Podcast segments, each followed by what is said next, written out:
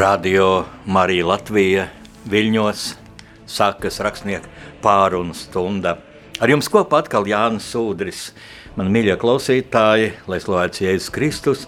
E, nu, pagājusi vasara, šis ir pirmais mana raidījuma cikla, raidījums jaunajā sezonā. Es jums vēlu labu klausīšanos, paldies, ka jūs man domās sirdī vēlat labu veiksmi šajos raidījumos. Man ir ļoti īpašs viesis šodien raidījumā. Tas ir Latvijas Zinātņu akadēmijas prezidents, akadēmiķis Ivars Kalviņš.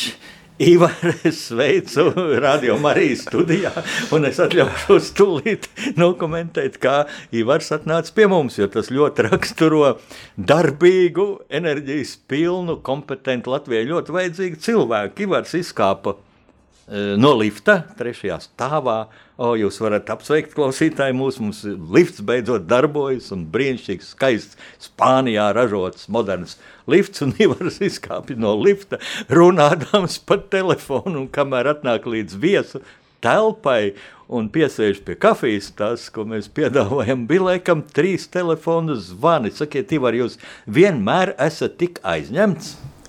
Nu, var jau dažādas to paskatīties, eh, ko nozīmē aizņemts. Eh, es domāju, ka cilvēks, kuram ir darbs, un kurš ir kādam vajadzīgs, eh, nu, var būt laimīgs. Protams, ka tā ir slodze, bet jā, nu, aizņemtība ir tiešām ļoti liela. Ziniet, Ivar, man ir tādas atmiņas par Zinātņu akadēmijas augstceltņa, ko manā bērnībā sauc par kolekciju namu. Tā ir ļoti interesanta tāda vēsture. Es kādreiz to namu ļoti neciet. Man likās tāds padomju okupācijas varas simbols, bet es kaut kā sāku pierast, jo tā ir vēstures liecība. Bet, kad es skatos uz šo milzīgu augstceltni, un tajā jau ir tikai daži institūti, vēl taču ir institūti da dažādās vietās, piemēram, Salaspilī bioloģijas institūts, kuram es katru dienu braucu garām. Ja? E, milzīga saimniecība, Ko tas nozīmē uz vieniem pleciem?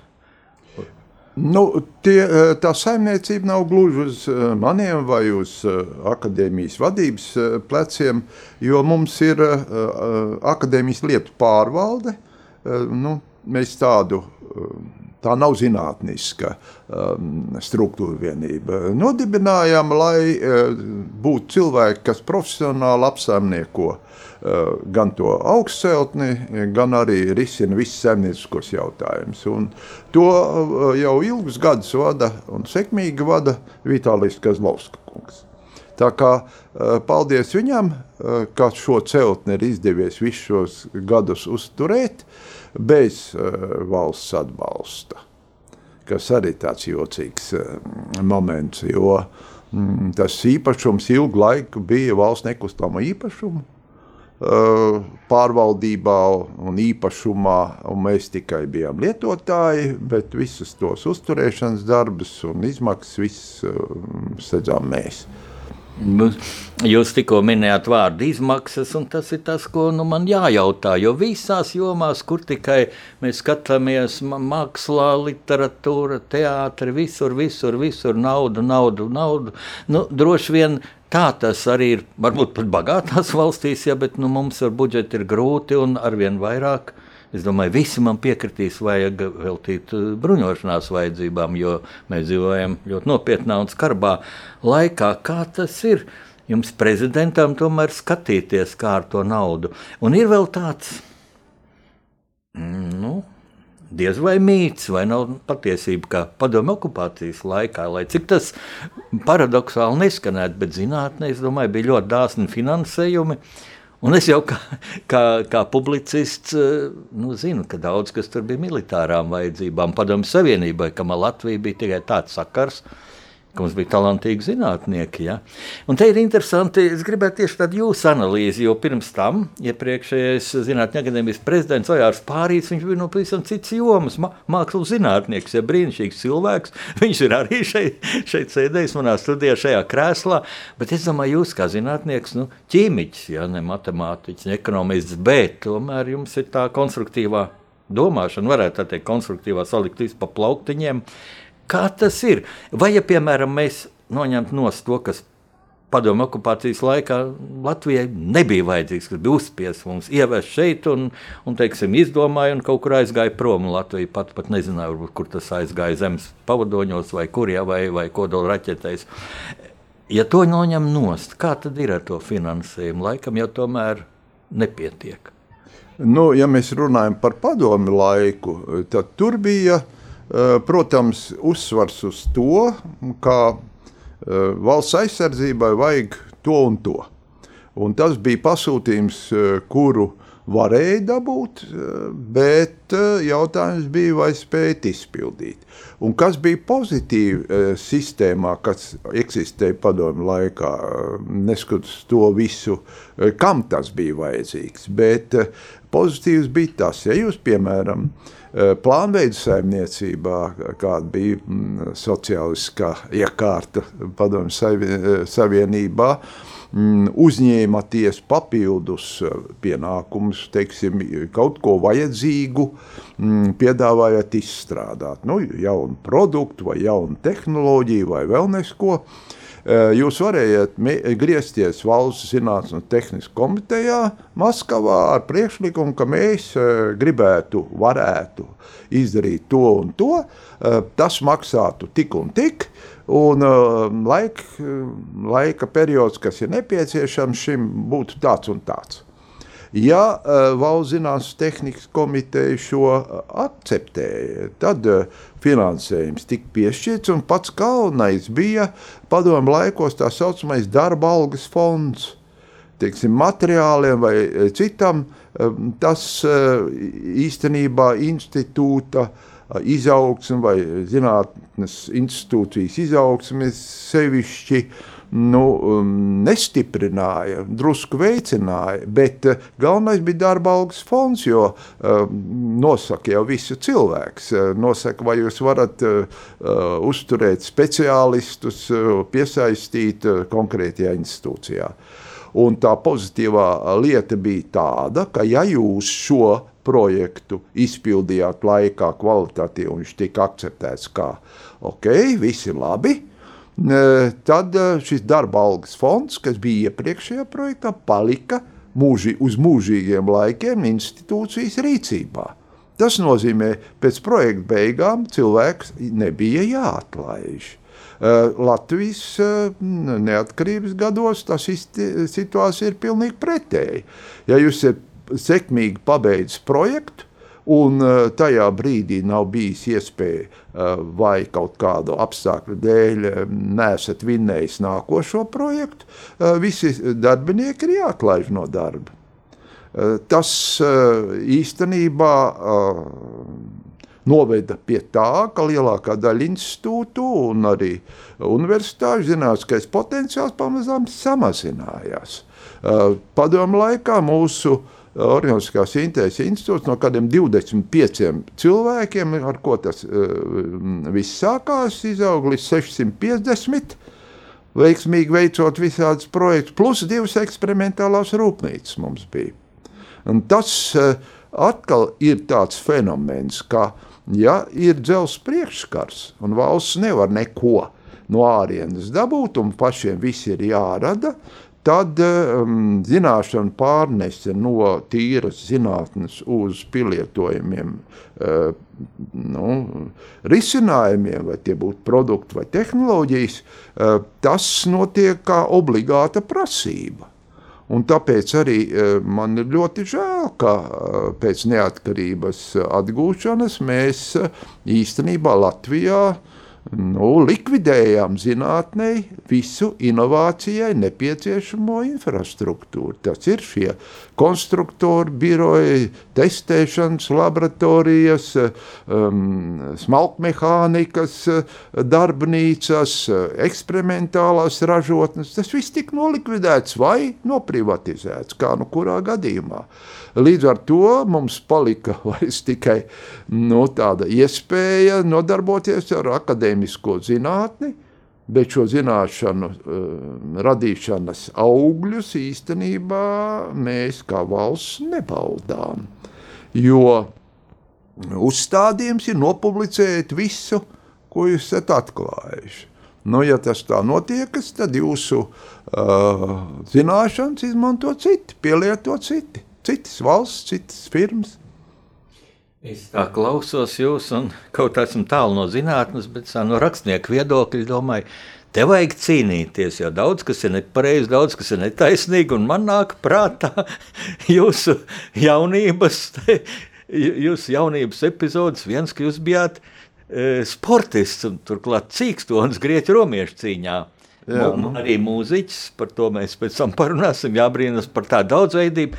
Jūs cīnāties un Un kā tas ir? Vai jūs pretinieks, nu, es domāju, te valdība, kam jāprasa nauda, kam jāprasa kaut kāda loģika, mm, vai jūs pretinieks šobrīd faktiski nav ļoti vājš, jo es redzu tomēr ļoti lielu neprofesionālismu tajos brīžos, kad mainās valdība, un tad, ko man ir teikuši ļoti kompetenti darbinieki dažādās ministrijās, iestādēs, ka, kas notiek, ja, kad iepriekšējā ministra, nu, ieviestie, izstrādātie, viņa komandas izstrādātie projekti tiek nolikti malā un kaut kas cits sāk darīt. Iedomājieties, kāds absurds tas ir. Nu, piemēram, sportā, ja teiksim, 400 metru stafetē, tas stafetes kociņš taču ir viens, un viens sprinters nodod otram, trešam, ceturtam, un tad tas fantastiskais rezultāts. Ir kaut kāds 40 un cik tur sekundes, kas pilnīgi neticami, ja. Tas ir tikai tādēļ, ka to stafetes kociņu prasmīgi nodod, un es domāju, viens projekts, ja, ko ķīmiķi izstrādājuši, organiskā sintēzes institūts, ja to tāpat nodod nākamajam, ja, zinātnē ir tā.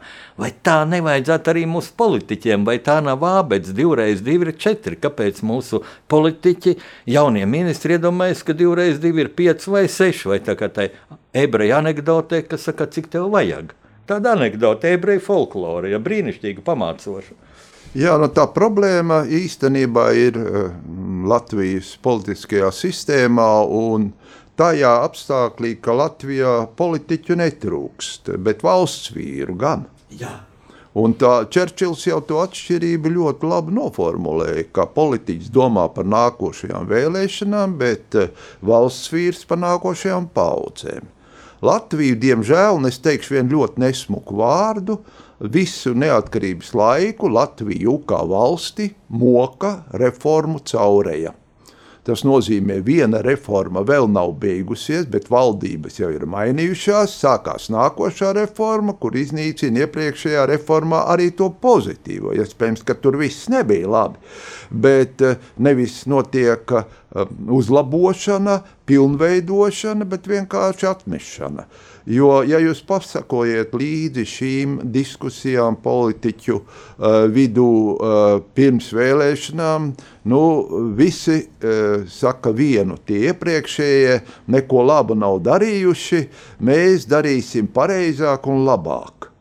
Nevis uh, saka, ka jā, tur ir tādas uh, labas lietas un uh, ir sliktas, kuras vajadzētu tāds, uh, nu, likvidēt vai pilnveidot to procesu, lai iegūtu labāku rezultātu. Tas nenotiek. Uh, um, opozīcija cīnās pret visu labu vai um, par sliktu nerunājot, to visu laiku um, paceļ un visiem rāda, redz, cik slikti, redz, cik slikti. Un tas īstenībā negatīvi ietekmē uh, arī tautas psihi.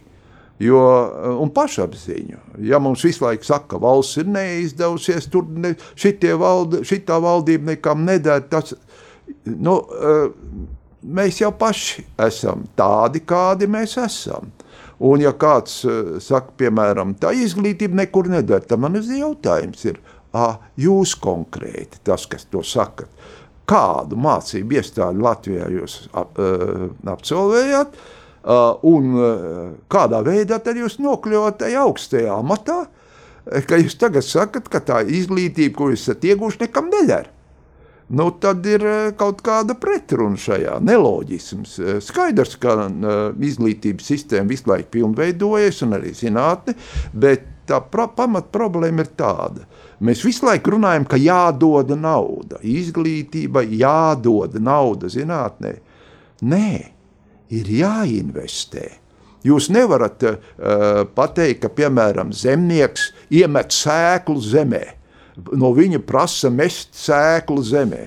Nē, viņš iesēja, lai rudenī būtu ko pļaut. Iesēja pielūdz dieviņu, kā vienā kino kronikā redzams. Tā, un tas nozīmē tikai vienu, ka mums uz šiem ir jā, uh, izdevumiem, ko mēs veltam uh, izglītībai un zinātnē, ir jāraugās kā investīcijām, kā sējas procesam, kas iesēja tam, ja kops būs ko pļaut kas iesēja un nekopja, kā ir jau vainās valdības atmetot iepriekšējo, tad arī nav ko pļaut. Bet, ja iesēja un, pļa, un uh, kopja, tad gala rezultātā, protams, ir ko pļaut un vākt bagātīgu ražu. Un tas ir tas, ko mums jāpanāk.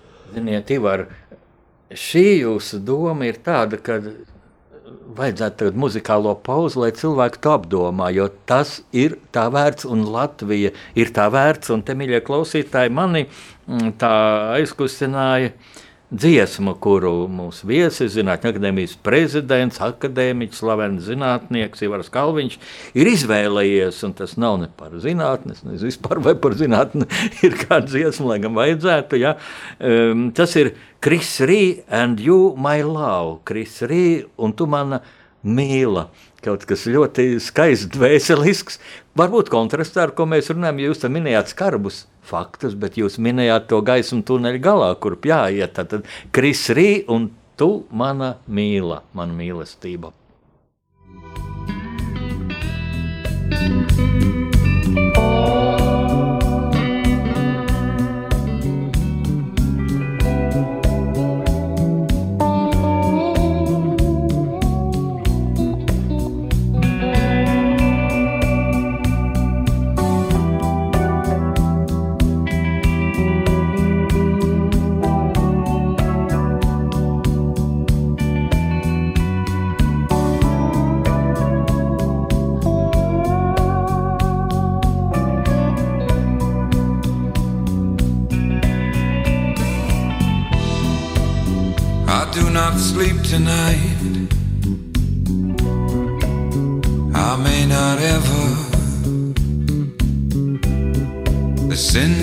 The past have come. See how they sit down together.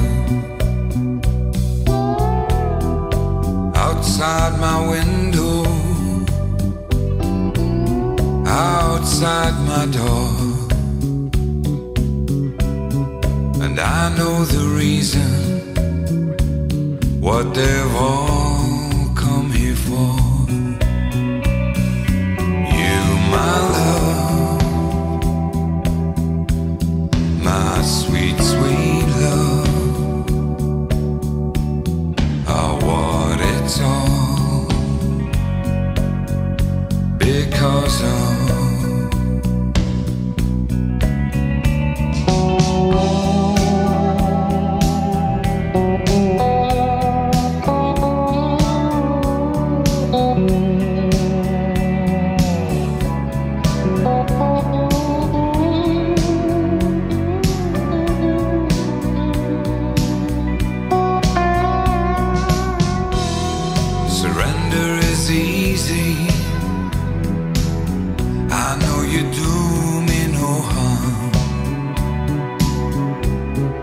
your innocence haunts me. The most fatal of charms. Oh, I must have done some wrong on a dark and distant day. For I know full and well tonight, this is how that I must pay.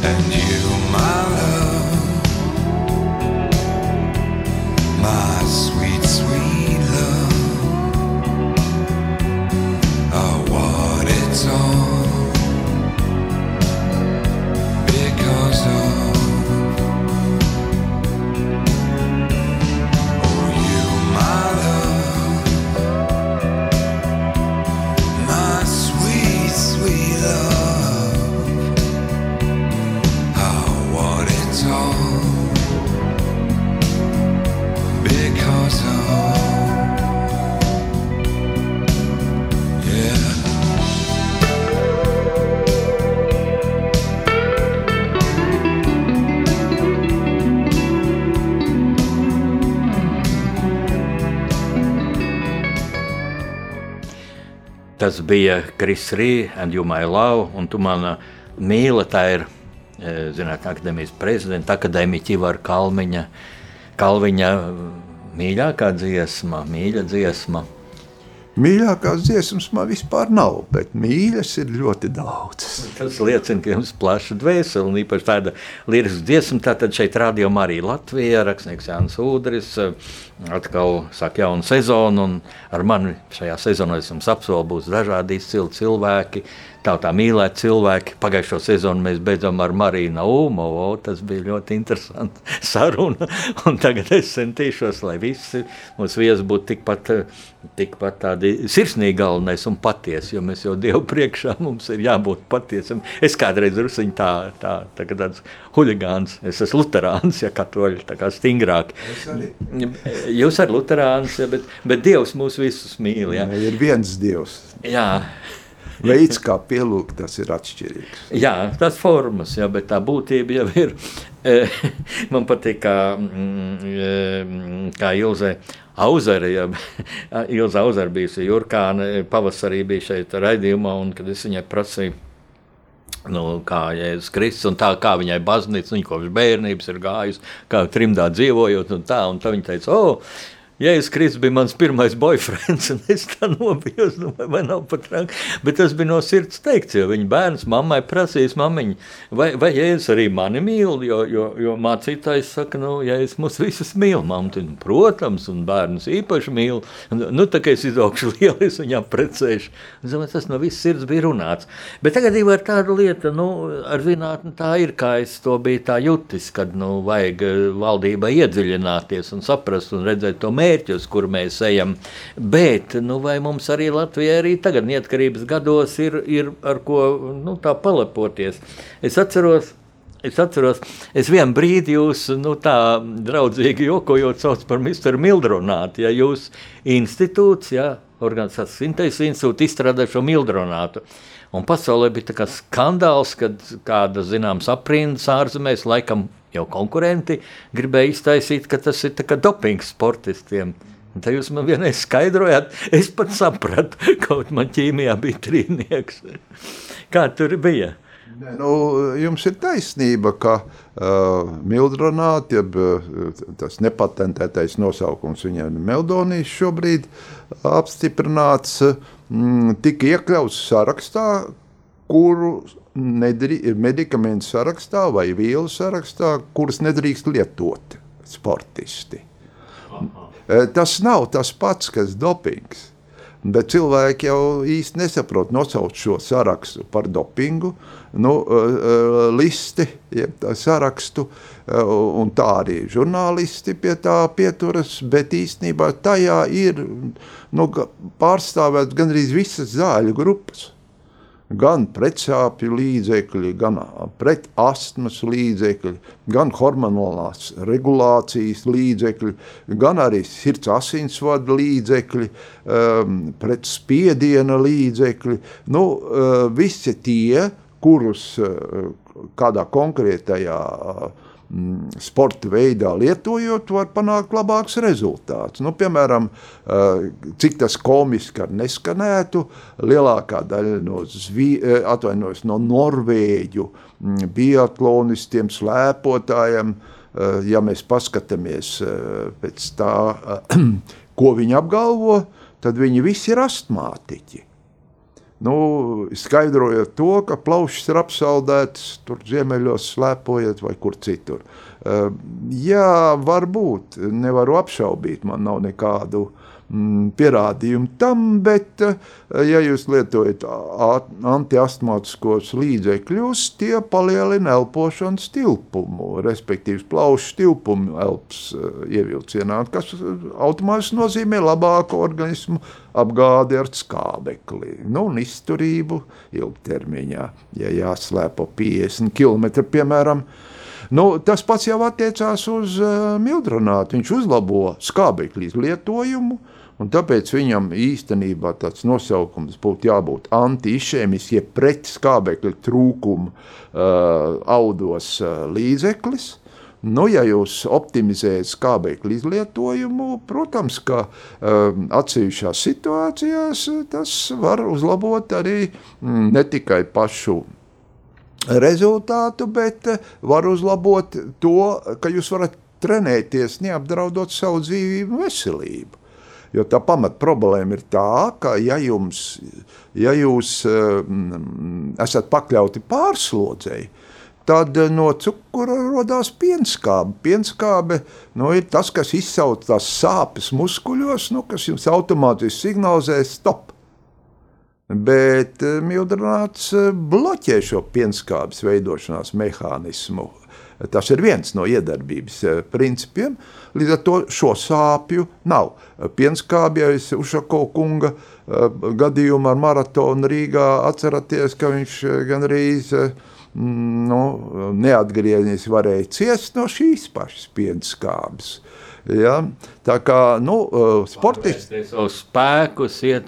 Jā, nu, restīvi, ir brīdis, kur notiek šūnu sabrukšana ja tā koncentrācija, pieskāpes koncentrācija audos vai asinīs vai limfā, kur nu, kur nu viņa, eh, kurā momentā atrodas, eh, ir pa lielu. Izglāb jūs mildrunāt. Jā, restī, tāpēc arī sportisti uh, lieto mildrunātu, lai gadījumā, ja ir viņi pārkāpuši to kritisko robežu, jo viņi jau strādā uz cilvēku spēju robežas nu, tad viņam nedraud ne eh, pēkšņi sirds apstāšanās, ne arī eh, nopietni bojājumi. Ziniet, man nāk prātā tāla bērnības epizode, pavisam mazs puika bija, mm, kad uh, tika palaists pirmais zemes mākslīgais pavadonis, ja, tas bija Krieviem, ja, nu, toreizējai PSRS. Uh, un es, es biju tā nacionāli noskaņots kaut kur no tēta māmas stāstiem, viņi bija brīvās Latvijas mm, laika cilvēki. Mm. Un es tā domāju, ja Latvija būtu brīva valsts, varbūt mēs arī kādreiz palaistu kosmosā savu zemes mākslīgo pavadoni. Un tagad daudzi to nezina. Domāju, mūsu klausītāji, ja, un tas nav brīnums, par to ļoti maz rakstīts. Bet taču kosmosā es nezinu, vai vēl lidoja, bet ir mūsu zemes mākslīgais pavadons Venta. Ja. Es jau saprotu, ka tās lielākā problēma ir to raķetu un dabūt, un tā bija indiešu raķete, ja, kurā salādēs, nezinu, cik vai, vai nu desmitos, varbūt kādi simts tādus pavadonīšus, nu, lai tas būtu rentabli. Ja. Man teica, ka eh, eh, no, no Ventspils augstskolas, kur to izstrādāja, ka tas lētākais esot Indijas raķetes. Domāju, Krieviem jau nu, jautājums tagad, protams, mēs nevarētu sadarboties viņiem, bet Indija tieši. Ja? Pasaules lielākā valsts šobrīd. E, kā jūs vērtējat, vai tā ir tā, tikai tāda spēlīta, vai tas liecina tomēr, ka mums ir augstā līmenī zinātne, ka vienā augstskolā ja man pareizi informācija uzstājas tāda, un tas nemaz nebija tik, man teica, simt tūkstoši eiro apmēram, kas valsts mērogā nu, nemaz nebūtu astronomiski. Nu, redziet, mums jāraugās uz uh, Latvijas valsts kā vienotu teritoriju, nav tā, ka vienā augstskolā tā zinātne ir ir eh, pēkšņi eksplodējis, tāpēc pateicoties konkrētās augstskolas nopelniem, eh, tie cilvēki, tā viens pils augstskola nav tik eh, veca, lai mm, viņā uz vietas rastos mm, zinātniskās skolas jau nostabilizējušās, kas dod iespēju mm, izstrādāt jaunas tehnoloģijas un tam līdzīgi. Bet cilvēki tur ir un viņi ļoti spējīgi un strādā un, un, un tā tālāk, bet tas ir visas Latvijas īstenībā produkts. Tā vai savādāk. Vidusskolā kaut kur gāju, ne obligāti Ventspilī. Zinām, tāda latiņa rāda, ka mēs neesam zemu, ja? Jā, nu, redziet, tas lielākai daļai cilvēku šķiet, nu, ko tur pat to kosmosu, tur jau ko nu mēs, ja? bet tā lieta ir tāda, ka tās tehnoloģijas, kas tiek izstrādātas, viņām jau ir tāds div, divējāds pielietojums. Viens ir varbūt tur kosmosa jomā, varbūt eh, militārā jomā, bet otrs ir tepat uz Zemes. Ja? Nu, piemēram, eh, Toreiz tas bija elektronikas institūts, eh, tagad tas ir datorikas, kā bija pareizi, institūts. Viņi izstrādāja mērīšanas iekārtas kas var precīzi līdz centimetriem noteikt attālumu līdz lidojušam objektam kosmosā. Jā, nu, visprecīzākās. Jā, nu, arī šobrīd viņi tās pilnveido, izstrādā un tam līdzīgi. Nu, tā, ar to iekārtu kā tādu, nu, it kā jau neko uh, nevar izdarīt, bet bez viņas neko. Es gribu jautāt tādu nu, filozofisku jautājumu. Kā tas ir? Vai zinātnē, teiksim, vajadzētu iet bezgalīgi, nu, viņa vies droši vien, bet, tā sāk runāt par mākslīgu intelektu, un es bieži vēroju, ka cilvēkiem vispār apkārt es jūtu, ka visvairāk cilvēki, kuriem elementārais cilvēciskais intelekts trūks, kur vēl mākslīgais, bet ne par to mums nebūs laika par to runāt daudz, bet es jūtu tādu robežu, kur Nu, es kā kristietis tā jūtu, nu, te ir cilvēks, bet Dievs arī man kādreiz mācītājs Jūras Rubens minēja tādu piemēru, nu, gan sakarā ar bērniem, ja mēs abērējam cilvēku, un kāpēc Dievs, nu, viņš bija jauns un tā, un, un domāju, nu, kāpēc Dievs šoreiz tu tā kā kļūdījies, tā, viņš saka, bet, nu, kā, ko tu vari salīdzināt ar savu prātu, ja tu gribi salīdzināt, aizēj pie jūras krastā, paņem viens milžu graudiņu, tas tavs prāts. Nu, pārējais ir dievprāts. Un, ja tu domā, ka tas ļoti gudrs, nu, ņem otru graudiņu vēl. nu, lūk, tāds no mākslas. Mācītāji piemērs, bet tagad viens piemērs no manas dzīves. Daudz piedzīvumu ir bijis. Es esmu ticies ar diviem amerikāņu astronautiem, runājis, kur ir bijuši mēneši, James Ervins un Čārls Džuks. Viņi abi bija amerikāņu kara lidotāji. Un viņi abi pēc šīs mēneša misijas kļuva Baptistu sludinātāji. Ap to ir dažādi mīti. Viņi teikuši, es tur dievu redzēju, un tur visādi demagogi saka, ka, ka viņi teica, ka dievs pretī nāca. Nē, viņi, teik, viņi teica, un mēs precizējam to teicienu, ja es tur jūtu dievu. Nu, kā tas bija? Nu, lūk, es jūtu dievu klātbūtni, ka viņš ļauj cilvēkam tād, tādas, tādas brīnumu lietas darīt. Kā jūs tā jūtat to robežu? Ja? Varbūt zinātnē ir tāda robeža, ka tālāk nevajag iet. Nu, no cilvēka prāts jau ir ierobežots. Un, uh, tā nelaime ir tā, ka viņš varbūt bioloģiski nav tik ierobežots kā reāli mūsu izmantošanas iespējas. Mēs neprotam kontrolēt uh, nedz savu zemapziņu, nu vismaz lielākā daļa no mums to neprot nedz arī savu apziņu tādā līmenī, kā uh, jūs varētu palie, palielināt savu smadzeņu veiktspēju. To parasti tāpat kā sportā ar trenēšanu panāk. Bet uh, nu, tam jau apakšā ir gan uh, teiksim, tādi procesi, kas ir elektriskie, elektroķīmiskie un tam līdzīgi, bet apakšā ir vēl ķīmiskie procesi, un tie visi notiek arī zināmā mērā pēc kaut kādas programmatūras. Tas nav gluži tā, ka mēs visu varam paši. Jā, mēs varam tos procesus eh, kaut kādā veidā regulēt, eh, nu, bet pieņemsim eh, tas, cik mums ir sitiena minūte sirdī jāveic. Un, nu, tas ir ierakstīts. Tas ir ierakstīts kaut kur. Un, ja jūs gribēsiet noskaidrot, kurā vietā un meklēsiet tieši gēnos, varbūt, jūs tur nemaz neatradīsiet ka tas ir ierakstīts kaut kādā citādā veidā. Tā mūsu uzbūve ir tik sarežģīta, ka tas ir tas, kas īstenībā noved lielu daļu zinātnieku, mani tā skaitā, pie pārdomām.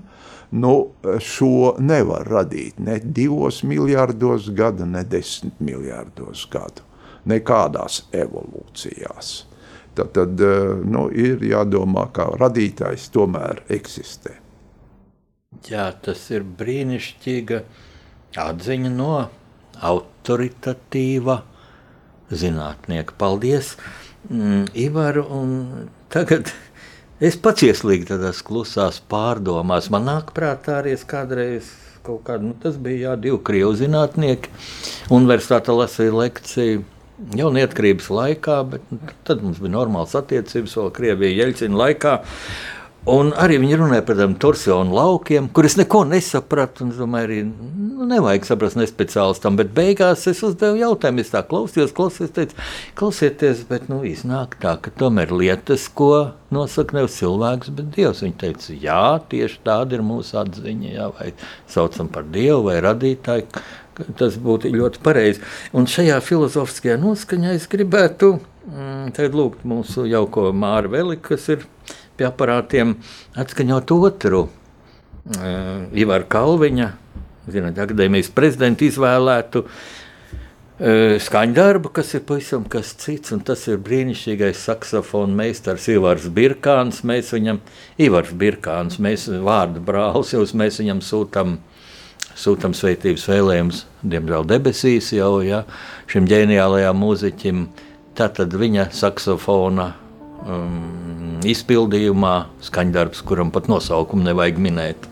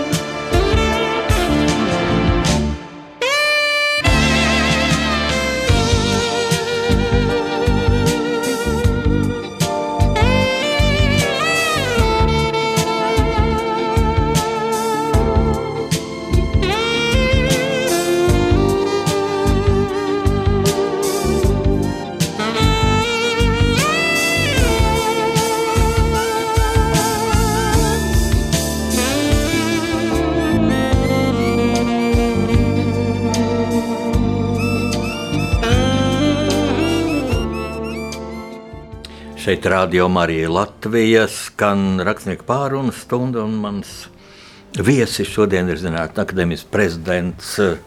Akadēmiķis Ivars Kalviņš.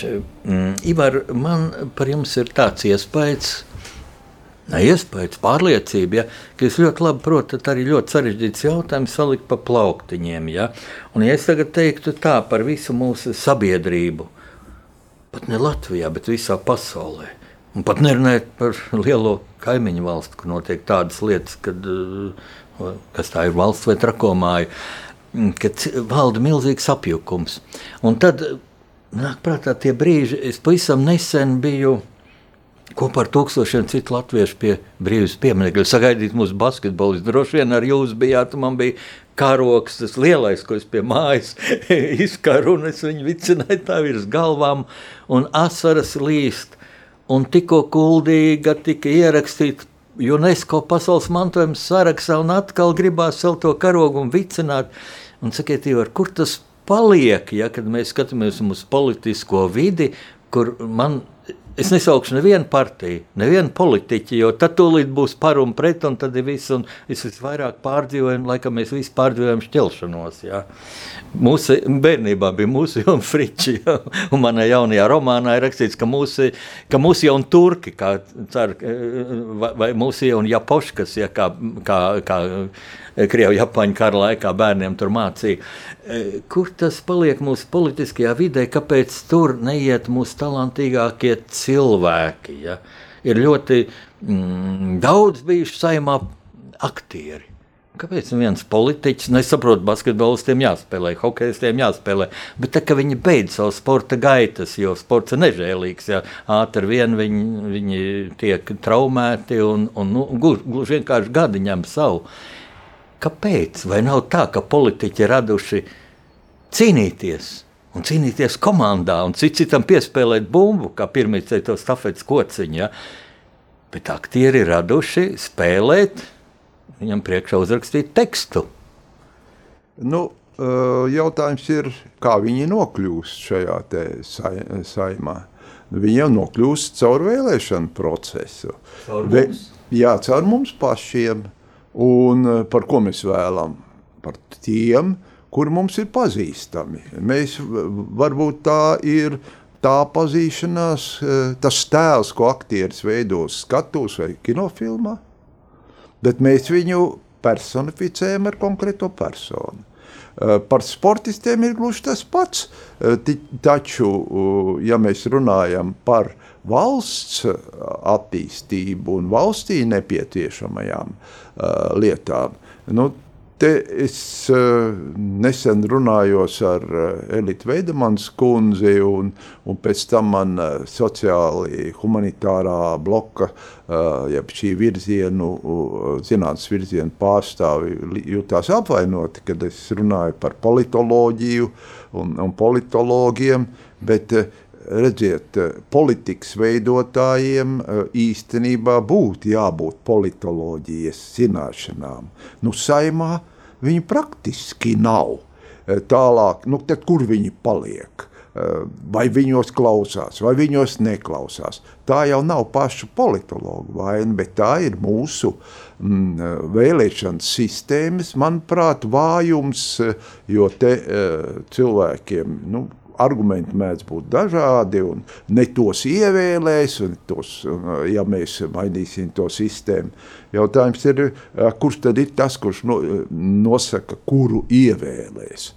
Nu, tad tās pseidokampaņas, jeb uh, no dezinformācijas, pat es atļaušos teikt, zināmā mērā, vai pretinieku nomēlošanas, vai netīrās veļas izvilkšanas saulītē un visādi tādi procesi, tos mēs jau pirms katrām vēlēšanām novērojam. Bet īstenībā būtu jābūt, nu, man, man ļoti gribētos, ka tie cilvēki, kas ir šo politoloģiju mācījušies tajā periodā, un ne tikai, regulāri analizētu kas tiek darīts nepareizi. Varbūt tomēr ir vērts ieklausīties Latvijas Zinātņu akadēmijā, kurai ar viņas hartu, kas ir apstiprināta saimā, ir paredzēts, ka viņi konsultēs valdību jautājumos, gan politikas jautājumos, kas attiec uz zinātni un izglītību, bet arī citos jautājumos. Nu, tas, diemžēl, nenotiek. Mēs paši zinām, kā ir pareizi. Tā ir tā, tas kredo. Un tā ir nepareiza pieeja. Ja jūs skatāties nu, daudzu valstu, demokrātisko valstu vadītājiem, ir kaut kas zinātņu grāts. Liela daļa no viņiem ir profesori. Tad uh, viņi kaut ko tomēr ir mācījušies tajā līmenī, kas nu, daudziem nav sasniedzams. Tās viņu spējas, acīm redzot, tādas. Ja pie varas uh, nokļūst cilvēki, kuri nu, vienkārši ir izvilkti saulītē, tāpēc ka cilvēki viņu zina. Nu, tas nav īsti pareizi. Jāskatās, ko viņš varēs padarīt. Vai viņam ir šis te, šīs zināšanas, un galvenais eh, te ir, manuprāt, liela uh, nelaime tā, ka mēs uh, visu laiku uzsveram, ka jāgatavo speciālistus augstskolai, universitātē tālāk. Nu, mana, pārliecība ir, ka mums jāgatavo personības. personības ar ētiskiem kritērijiem, ar personības, ar atbildības izjūtu, personības ar vēlmi darīt labu. Nu, tas ir pats svarīgākais - vēlme darīt labu. Tā, tā īstenībā ir altruistiska pieeja. Nu, daudzos gadījumos mēs to nesaskatām. Mēs redzam, ka pie politikā, pie varas ir cilvēki, kas nu, nevienmēr ir sapelnījuši savu kapitālu tādiem līdzekļiem, kādi mums ir akceptējami. Jā, man personīgi, jā, dziļi subjektīvi sāp šī lauka mazo skoliņu slēgšana. Es saprotu, ja tur pāris bērnu tā ir dzīves likuma sakarība, bet vai tur tieši neaug tās personības. Es zinu daudzus, daudzus piemērus. Nu, kaut, vai, nu, kaut vai populārais ārsts Danilāns, kurš te katrā žurnālā ir vaļā. Danilāns. Viņš man tāds tāls radinieks un es jokoju, tā es ledus kapoļā, tu jau skatīsies pretī. Ja. Viņš ar humoru brīnišķīgs cilvēks, ja. Hosams abu mēri viņa audzēknis ar tādu sajūsmu runā, Hosams tagad ministrs, ja. Nu jā, un es lasu internetā muļķības, ka nu, musulmanis un mošais cels Hosams ir kristietis. Jā.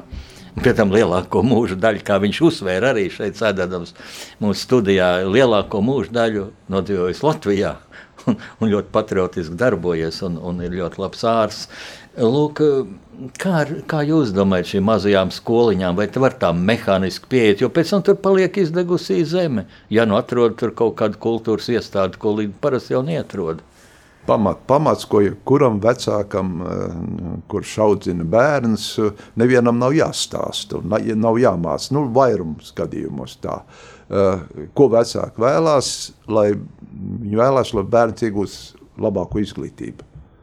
Lai viņš ir spējīgs pēc tam būt gudrāks nekā viņa vecāki, sasniegt vairāk nekā viņi ir sasnieguši.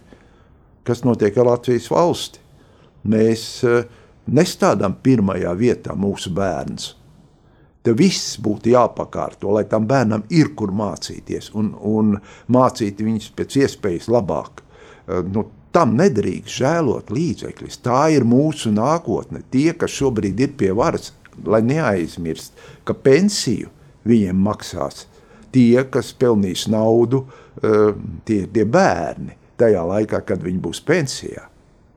Un ja tie nespēs, Ja tie spēj tikai uh, sēnes lasīt kādā mm, īrijas fermā vai uh, kartupeļus Vācijā, un Latvija būs tukša no cilvēkiem, kas spēj radīt produktus ar augstu pievienoto vērtību, ražot, izgudrot, pilnveidot zinātnieki, iz, uh, skolotāji.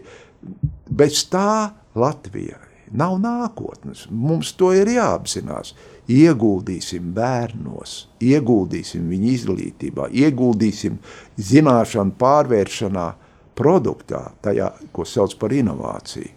Tā ir jaunrade, kuram nav obligāti pašiem zināšanas eh, tik lielā apjomā jārada. Mēs visas zināšanas nevaram radīt, bet pārņemt zināšanas no pasaules un pielietot šeit, lai, radītu jaunus produktus tam ir vajadzīga gan uzdrīkstēšanās, gan bāze. Un tā materiāla tehniskā bāze, kā agrāk teikt, tagad saka infrastruktūra, tas ir eh, konstruktoru biroji, tas malkmehānikas darbnīcas, testēšanas laboratorijas, mērogošanas laboratorijas, kur var uztaisīt uh, darbojušamos paraugus un tam līdzīgi, un šīs pašas eksperimentālās rūpnīcas un zinātnieki un inženieri un palīgi personāls – Tas, ka, piemēram, cilvēki saka, jā, nu, to zinātnieku tur daudz ir viduvējības, jā, bet uh, jūs varat, ja jums ir simts zinātnieku, vienmēr atrast desmit labākos un tos deviņus atlaist. Un tad no tiem desmit izrādījās, ka viens ir stipri labāks un tos deviņus atlaižam, tad mums būs viens zinātnieks, un ko viņš izdarīs? Neko. Ivar, kad es um, pēc Birkāna brīnišķīgā skaņdarba mm, teicu, ka Latvija man izsās nu, apjukusi, diemžēl, jā, diemžēl, uh, tad uh, es gribēju turpināt par karu Ukrainā, ja, jo es domāju, šī apjukuma um, viens no cēloņiem ir šis karš, un, un pat man personīgi, nu, es dzīvē daudz esmu pieredzējis, bet šis plānprātība, šis idiotisms līmenis, kas ir Krievijas propagandā. Es tikko klausījos, mm, fragments no sarunas ar Putinu un šo Ziemeļkorejas uh, diktatoru. Ja. Tas ir ārprāts, šī demagoģija. Viņa, es domāju, viņi pārspēja Gebelsu, jo Gebelsam nebija internets, nebija televīzija. Un, um, Nu, mums ir pāris minūtes palikušas. Es pirmkārt gribu pagūt jums pajautāt, man tāds sajūta, jūs zināt, nu, te jau visu, nu, pilnīgi visu. Neviens, ne, Dievs zina debesīs visu, jā, bet jūs zināt ļoti daudz un tu tam, jā. Kad beigsies karš Ukrainā, jūsu prognozi, jo, nu, kā viņš beigsies, ka viņš beigsies Krievijas sakā, es domāju, tur jābūt aklam un kurlam, lai, lai par to šaubītos. Scenārijs ir scenāriji divi, un viens ir labvēlīgs, otrs netik labvēlīgs, jo, eh, diemžēl, rietumi vēl joprojām nav pamodušies. Īstenībā eh, militārā rūpniecība nav aktivizēta.